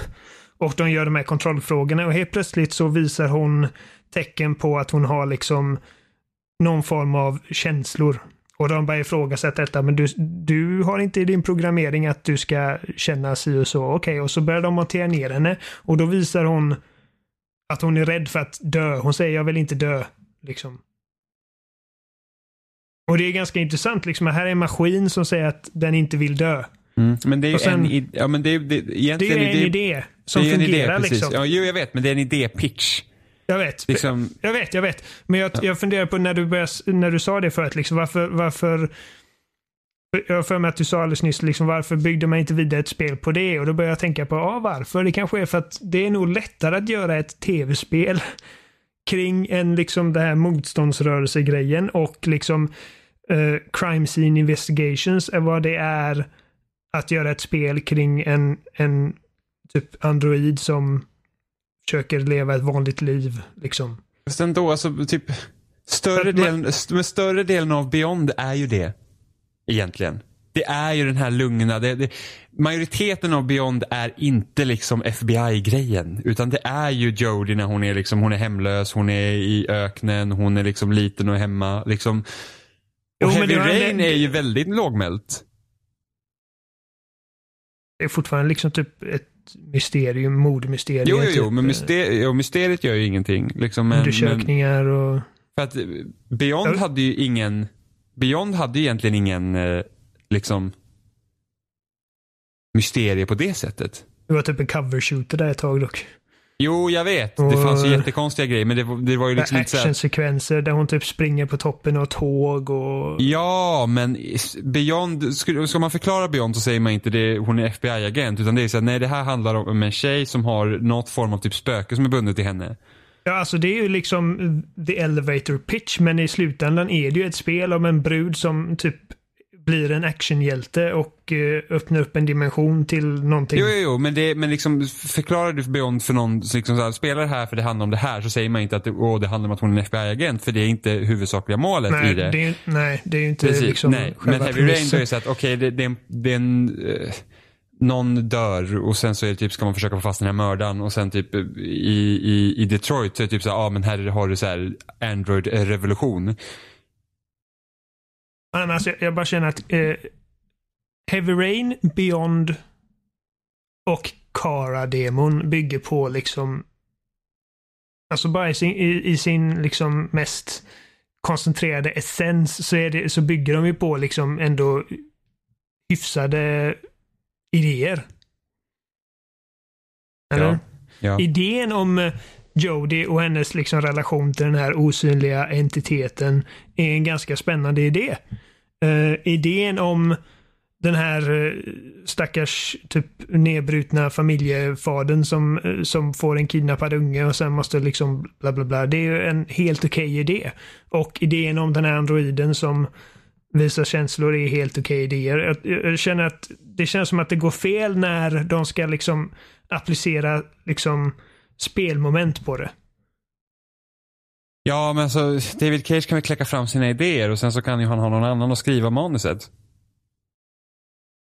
Det tråkigaste är ju egentligen att den här, ty- alltså att den här typen av spel får denna stora finansiering men sen är det bara Quantic Dream som får göra de här typen av spel. Det är väl där problemet ligger i också. Ja, Until alltså- Dawn eh, var ju... Ja, så Dawn, än- jo fast det är väl inget litterärt mästerverk. Där är ju mer roligt Nej, för att det är nej, typ sån men jävla gör liksom- slasher-skräck liksom. De lyckas i alla fall med vad de försöker Jo, göra. jag tänk, jag tänk, alltså, alltså, det känns ju typ som att ge Telltale en riktigt liksom stor budget. och Mm. låt dem göra någonting sånt. Uh, nu är inte alla Telltale-spel bra, men liksom Bättre än... Jo, och sen, sen de har ju också gått lite åt det här hållet att det är liksom att om man tänker första Walking Dead, nu är ju, nu är ju kanske Walking Dead lite lättare att göra spel på för där har du ju ganska tydligt den här konflikten mellan, Ja, mellan liksom att komma fram, ja. överleva. Eh, men fortfarande, i alla fall första säsongen av Walking Dead handlar ju mycket mer om människor. Sen så har ju, tycker jag, Telltale mer och mer gått från det med, med olika spel som att typ, ja men Guardians of the Galaxy har ju en tydlig plott och du har en tydlig bad guy till exempel. Ehm, vad mer, eh, Batman är ju liksom också strukturerad som liksom det är superhjältar. Superhjälte med skurkar. Eh, där lyckas de ändå relativt bra med Tales from the Borderlands. För att även om Tales from the Borderlands också hade en ganska så här, eller det var inte helt tydligt vad Tales from the Borderlands handlade om. Men i slutändan så handlar det om vänskap liksom. Mm. Eh, så det är lite, och så, pff, Game of Thrones var också, det kändes, alltså det var ju helt weird liksom med, med Ja. för det skulle knytas in i, i tv-serien och grejer. Så att, så att, Ja. men alltså, någon borde få göra liksom, ja fast i och för sig, man vet ju inte vad nu Ninja Theory får göra nu med Microsofts uppbackning. Nej. Nej, det, ja, nej. För att liksom, okej, Hellblade har förvisso strider i sig. Mm. Eh, men samtidigt jag, så, jag tror inte att vi, kom, vi ska förvänta oss en Quantic Dream eh, utmanare av... Nej, nej, nej, nej, som inte gör det. Alltså, för jag känner, det jag också känner med Detroit så är att, att de här olika promptsen man får göra med, med kontrollen, det ger ärligt talat inte så mycket. Det här med att man håller in triangel, håller in R2 och sådär. Nu vet jag att, för det var en grej i Heavy Rain var ju det att karaktärerna kunde ju dö när som helst. Mm. Om man misslyckades. Så det, det gav ju lite spänning till de eh, quicktime eventsen som fanns. I Detroit så ska ju också karaktärerna kunna dö men jag kände att liksom jag, jag kände aldrig någon risk att det skulle hända. Eh, och då är det så att, ja, och det, det är svårt med designer runt quicktime events för att man vill ju inte göra billiga quicktime events så att man liksom misslyckas för att man råkade missa och så dör karaktär utan om man liksom Ja, det är en balansgång mellan Ja. liksom att vi ska straffa, för, bestraffa dig för att du inte är med i spelet, men samtidigt så, alltså om du missar en quicktime event, okej nu är den här karaktären död, fuck you. Ja, och det, det där är typ där är det ju bättre egentligen om, om man kör liksom, skulle köra ett helt dialogdrivet spel. Att man, alltså tel, som Telltale-spelen är till stor del liksom, är ju att de är dialogdrivna. Men liksom, Ja. säg att du väljer fel dialog och karaktären dör för att du liksom har skött samtalet dåligt. Det är typ Life is Strange hade ju lite det grejen i andra episoden. Eh, där man, beroende på vilka dialogval du verkligen använde så kunde en karaktär leva eller dö till exempel. Ja, hon dog för mig. Eh, Men det, men det är ju det är ju svårt det där. Och, liksom, Ja, och jag känner ju verkligen att Telltale, alltså där, därför tycker jag att, även om jag, jag känner att Life is Strange inte är så här, alltså det finns mycket det fanns mycket potential i Life is Strange. Jag tycker vissa saker är lite bortslarvade i, i liksom vad man försöker göra samtidigt som andra grejer som de tar upp i det spelet är jättebra. Det jag känner att Don't Nod gör bättre än Telltale just nu att det faktiskt kändes som att jag fick interagera med världen i Life is Strange. För att man fick liksom röra sig ganska mycket. Jag fick liksom vara en del av det. Medans Telltale-spelen numera, det är i princip du väljer dialog, the game. Och sen så kanske du har någon så här investigate minispel där någonstans i mitten. Vilket jag, alltså jag verkligen tycker det är skit. Alltså jag tycker det är så Ja, tråkigt i Batman-spelen. Det är verkligen så här bara, så fort man kommer dit till något så här ett jävla grej man ska, för att det är inget pussel heller. Det är inte som att du behöver tänka utan det är bara så här, knyta ihop Man de bara här liksom klickar trådarna. på allting som går att klicka på. Och man var så här, det här är så tråkigt. Eh, då tycker jag bättre, alltså det är det som är så stor skillnad med första säsongen av Walking Dead. För att det var ju mer strukturerat som ett eh, äventyrsspel i modern tappning då. För du hade ju faktiskt riktiga pussel som inte var jättesvåra de heller. Men du, liksom, du var ändå på ett ställe ganska, kunde du vara ändå ett tag. eh, Och behövde liksom lösa vissa pusseldelar. Eh, och sen har du nu har jag i princip bara gått över till att liksom man, man, man, man har minimal kontroll över liksom karaktären. Och det tycker jag kan vara lite tråkigt ibland. Eh, men som sagt, det är synd att det är liksom Quantic Dream är en enda typ som gör den här. För att det finns en så stor potential i att göra den här typen av spel då som är inte lika interaktiva typ som en shooter, men ändå tillräckligt interaktiva för att man liksom är aktiv och gör någonting. Och så väljer man att göra den här typen av berättelser, att man fortfarande liksom kör de här gamla mallarna som, som ett sånt här spel inte skulle behöva hålla i för att du har ju typ löst det. Jag säger inte att man har löst det, men typ löst att vi, vi kan liksom, vi kan göra ett sånt här storyfokuserat spel och kan styra ganska bra över det. Och, för, och du behöver inte liksom ha ett vapen i handen och skjuta massa folk. Och så väljer man ändå att göra liksom åt mer actionhållet. Och jag visst det kanske är för att det är lättare att sälja då då. Ja, Men samtidigt, ingen har ju försökt göra något annat. Så vem vet? ja. För Jag kan ju ändå känna liksom att nu med alltså de, deras studio måste ändå vara tillräckligt välkända nu för att de ska kunna göra ett de vill. spel som bryter mot mallen och fortfarande kunna sälja lite så att det inte blir ja, men så att det inte liksom blir helt kör ihop sig. Mm. Har du spelat Until Dawn? Nej, jag tror jag har det på PS Plus. Alltså, kör igenom det någon gång. För att alltså, jag, jag var inte så förtjust i det första gången jag spelade igenom det. För jag, jag, jag kände inte att jag gillade någon av karaktärerna. Jag tyckte det var ganska klyschigt och bla bla. Men sen spelade eh, jag kollade när Sebbe spelade igenom det strax efter att jag hade klarat det. Och, och det gick helt annorlunda för honom. Jag bara oj. Alltså, det, det är många variabler i det spelet. Uh, och det är ganska underhållande. Jag spelar mycket hellre Until Dawn än uh, Beyond. Jo, men alltså en, en behållning med Until Dawn verkar liksom just vara att det är så klyschigt och liksom man säger att Alltså man egentligen syr ihop en egen skräckfilm som är, ja. alltså, och typ en ganska kass skräckfilm egentligen. Men, ja, men, så här, typ men att du, teenage slasher. Ja, men att du ändå får ha liksom den kontrollen kan ju vara rätt så kul. Ja, man är typ som en regissör i princip. Ja. Uh, så att eh, jag fick en annan uppskattning för det när jag såg Sebbe spelare och jag bara oj, alltså hans berättelse gick helt annorlunda. Så det, var, det blev jag ganska imponerad över. Det är kul. Alltså det är en sak som jag tycker är rätt så tråkigt att den här generationen att utvecklare gav upp på att göra annorlunda multiplayer-upplevelser där man liksom experimenterar med spelarantalet och eh, ja, men som till exempel ta Evolved där det var liksom fem mot en. Eller Fable Legends som skulle komma så i princip var typ ett Dungeons and Dragons med en, och eh, vad heter det, Game Master, säger man så? Uh, ja, det heter det väl. Ja, jag, jag, jag förstår vad du menar. Ja, men precis. Den liksom som så att, för att i Fable Legends var det ju tanken att då hade du fyra hjältar som springer runt på en bana och sen hade du en liksom som typ var typ var fiender. Man, liksom, man, man satte ut fiender och typ olika quests och sådana här grejer. Ja. Så att man, det precis blir som Dungeons and Dragons fast i spelformat. Och jag är så, tycker det är väldigt tråkigt att ingen liksom har försökt göra det igen. Telltale introducerade en grej med Batman som jag ville testa men det har inte blivit av. Är att man liksom sitter med varsin telefon och precis, ja, man röstar liksom på vad som ska hända. Det kan ju bli, kan vara rätt kul. Jo, fast det är inte uh, samma sak. Multiplayer-läget i uh, Ubisofts uh, Zombie U hade också så att en... Ja, jag ägde det i det spelet. Men det var, det var ju för att det var så dåligt. Det var ju fruktansvärt. Jimmy spelar en match, fick stryk och bara åh vad dåligt, det är så dåligt. Ja men det var ju skit. Skit var det. Uh, uh. Ja, men det, det, var ju samma sak att uh, en spelare var liksom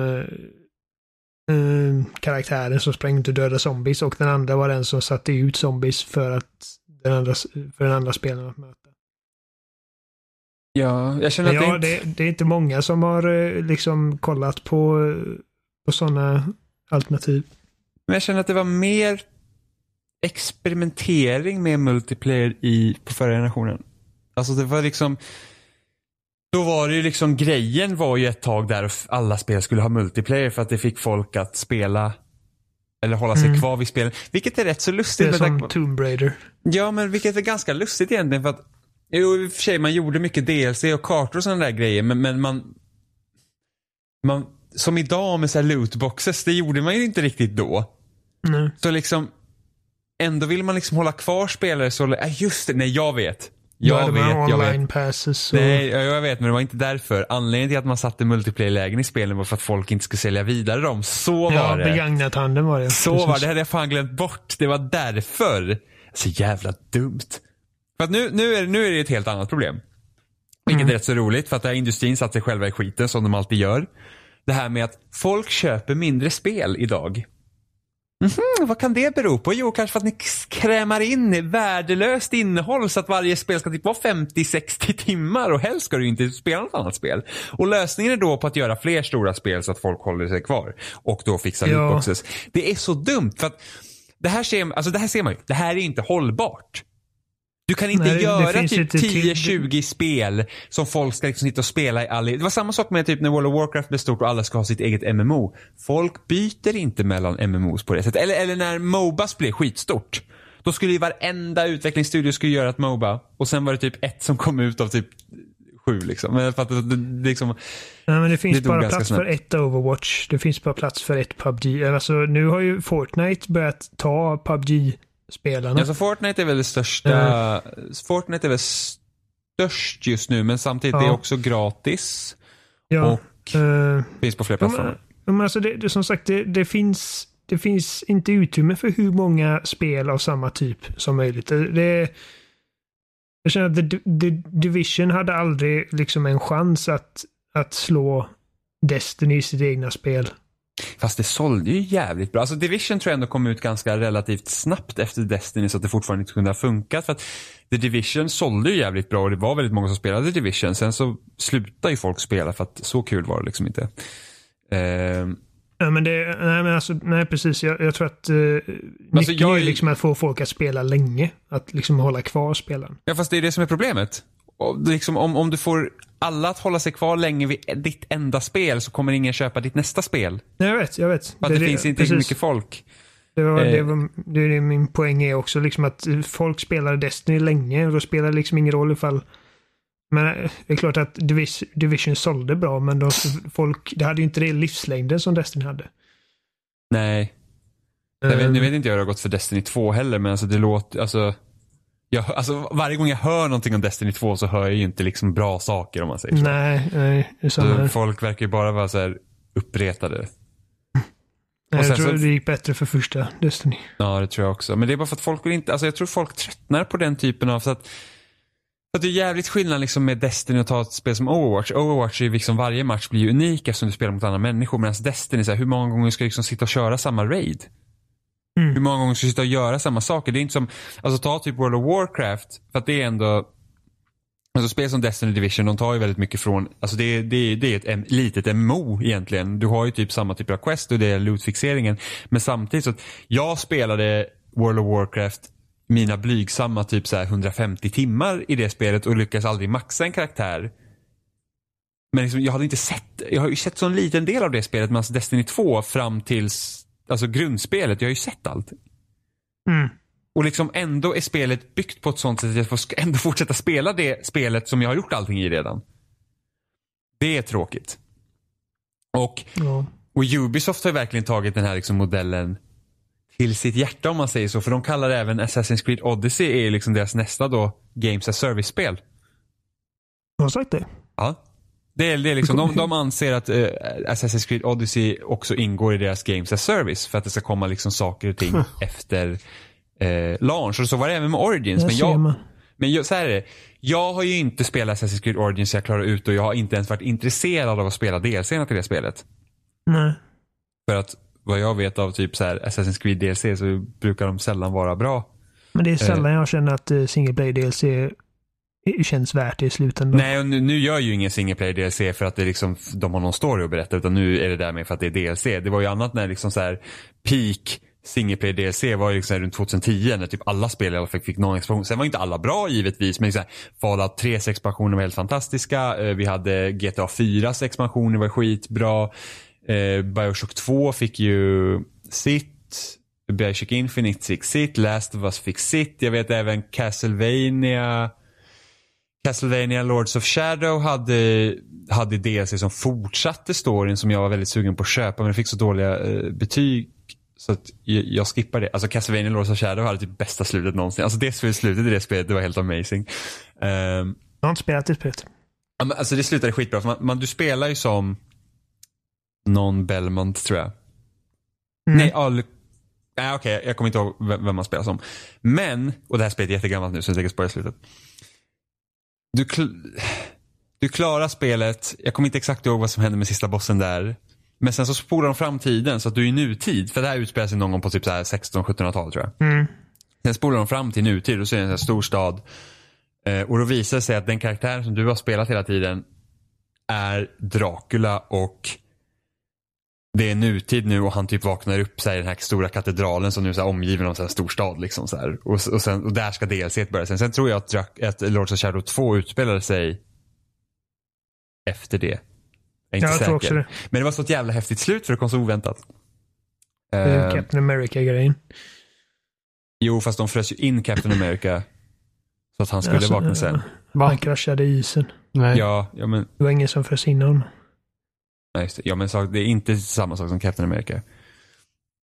Alltså det, det, nej, jag sa inte att det är samma sak. Det, det, det fick mig att tänka på Captain America bara för att det är en karaktär som typ vaknar upp i modern tid. Du kan inte säga att det inte, att det inte ja, ens är okay. Ja, men det är skillnad på typ 50 år och Jo, det är klart. Det är hundra år. Men det var skitcoolt i alla fall. Jag spelade aldrig uppföljaren, vilket Ja, är det bakåtkompatibelt Jag tror inte det. på Xbox? Jag tror inte det. Jag, jag Jag hade tyckte velat det, spela det någon gång. alltså, jag tyckte det spelet var bra. Eh, inte fantastiskt, men jag, jag gillar det. Jag vet att det är många som inte gillar att det liksom inte riktigt var Castlevania. Alltså det var inte ett Metroidvania-spel på Det samma var, sätt. Det, var, alltså, det, det var, var lite mer God of det var War. väldigt som Gears... God of War. God of War. Ja. Ja. Det var, ja, precis. Det var väldigt mycket God of War. Ja, Jag, alltså, jag tyckte det var helt okej. Jag gillade det också, kommer jag ihåg. Jag hade det till PS3, vet jag. Jag spelade så långt att jag kom till delen där, där det är liksom en Shadow of the Colossus rip-off. Ja, okej. så första bossen med andra ord. Och sen slutade jag. Jag får mig att den bossen var bara, den var bara jobbig. Kommer jag ihåg. Jag kommer inte ihåg. Och eftersom det var där jag slutade så kan det inte varit jättebra. Men, nej, men det, det är ett spel som jag länge känt att ja, men det vill jag ge en chans till. Mm. Nej, Jag vet faktiskt inte om det är bakåtkompatibelt eller inte. Tvåan eh, har för mig inte fick lika bra mottagande som Nej, jag köpte ju aldrig det för att det, är typ sågat och det skulle Ja, vara det var- jättebuggigt. Det verkar Det inte var vara, det det verkar inte något speciellt liksom. Det första verkar vara... Ja, nej. Eh, Var det inte så att det, eh, liksom det blev en stor snackis som att det fanns banor där man sprang runt, man förvandlade sig till en råtta, sprang runt i typ kloak eller vad fan det var. Jag vet faktiskt inte. Ja, det lät bara så jävla osexigt jag bara fuck det. Men det fanns en tid i alla fall då när det satsades på single player DLC. Jag har inte köpt single player DLC sen Witcher 3. precis. Och där var det ju bra. Det var ju liksom, De det var var ju ju bra. liksom ja. Men det är, ju, quality- det, är ju, det är ju liksom undantaget. qual- quality content. Ja, det är, inte, det är inte många gånger man får liksom ett blood and wine. Nej, men det är för att ingen, alltså nu typ, alltså oftast, alltså, alltså tänker typ, jag, jag slår vad de typ Origins-grejerna är ju säkert mindre story i dem än vad det redan var liksom i huvudspelets liksom uppdrag. Där det typ var någon NPC som sa någonting som man typ inte ändå var intresserad av. Ehm, så det var ju, det, det är man inte intresserad av. Men det är lite, alltså ja, jag känner med Assassin's Creed Odyssey, det är lite synd att, för att jag hade gärna hoppats på att man skulle få ett spel som följde Aya. Hans fru. Ja. Mm, jag gillar henne. Ja, för att alltså, de storydelarna som finns i Origins var ju väldigt bra. Alltså, alltså, tänk om de hade utforskat deras relation ännu mer. Mm, Att ja, det var- ibland var det till och med lite svårt att hänga med för det gick så långt mellan de här storybeatsen. Det var, det var deras liksom när de fick när de fick liksom eh, spela av varandra och det var då jag tyckte spelet var som bäst. För, att, alltså, jag, för jag känner liksom att du fick så lite story i det spelet att när det hände saker för dem så hade man lite svårt att få någon ändå koppling till det bara för att liksom säga att man har inte riktigt, riktigt fått se allt. Känns det som. Eller man har liksom, det känns som att man man har inte liksom fått följa med riktigt utan man, man spelar väldigt länge och sen får man se en cutscene och sen spelar man väldigt länge igen och sen så får man se en cutscene. Så det är liksom svårt att känna sig ihopkopplad med storyn på det sättet tycker jag. Annat är typ, med, annars var typ, alltså tänk Ezio-trilogin liksom, det var ju mer såhär GTA struktur på det. Liksom man gick Mm. till uppdrag och fick en cutscene, liksom man får hela tiden hänga med. Ehm, så det är lite synd med Odyssey då, så att det ska Games as Service-spel och också att ah, största kartan någonsin. Så man bara såhär, jaha, jag hade ju hoppats på att det skulle vara lite mindre då. Eh, men men, men jag är nog mest peppad på faktiskt det här med att liksom karaktärerna ska kunna ha relationer och grejer med andra människor. Eh, så att då kan jag ändå tänka mig att man kan få någon, alltså att det, det kanske händer lite mer storymässigt i det. Så det får man hoppas på. Jag tycker, alltså det jag är mest peppad på är att det är eh, antikens Grekland. Men, jag, men samtidigt så är det liksom, alltså, jag var ju sugen på Origins bara för att det såg ut liksom att Ja, men nu har det gått i alla fall två år sedan senaste och eh, det, är liksom, det, har, det har hänt någonting med formen och nu känns det som att Odyssey är liksom det, Ja, det alltså, känns som att jag nyss spelade Origins. Ja, och Origins var ju så, alltså det var ju så stort och inte bara så här Mm. att mycket i Origins var inte ens bra. Så det blir liksom, det kändes, alltså det kändes mycket som att det var så här, det var ett jobb att spela Origins emellanåt. Och jag försökte skynda mig igenom det men det var att man behövde göra en massa sidouppdrag också för att levla upp karaktären, annars var det ju skitsvårt.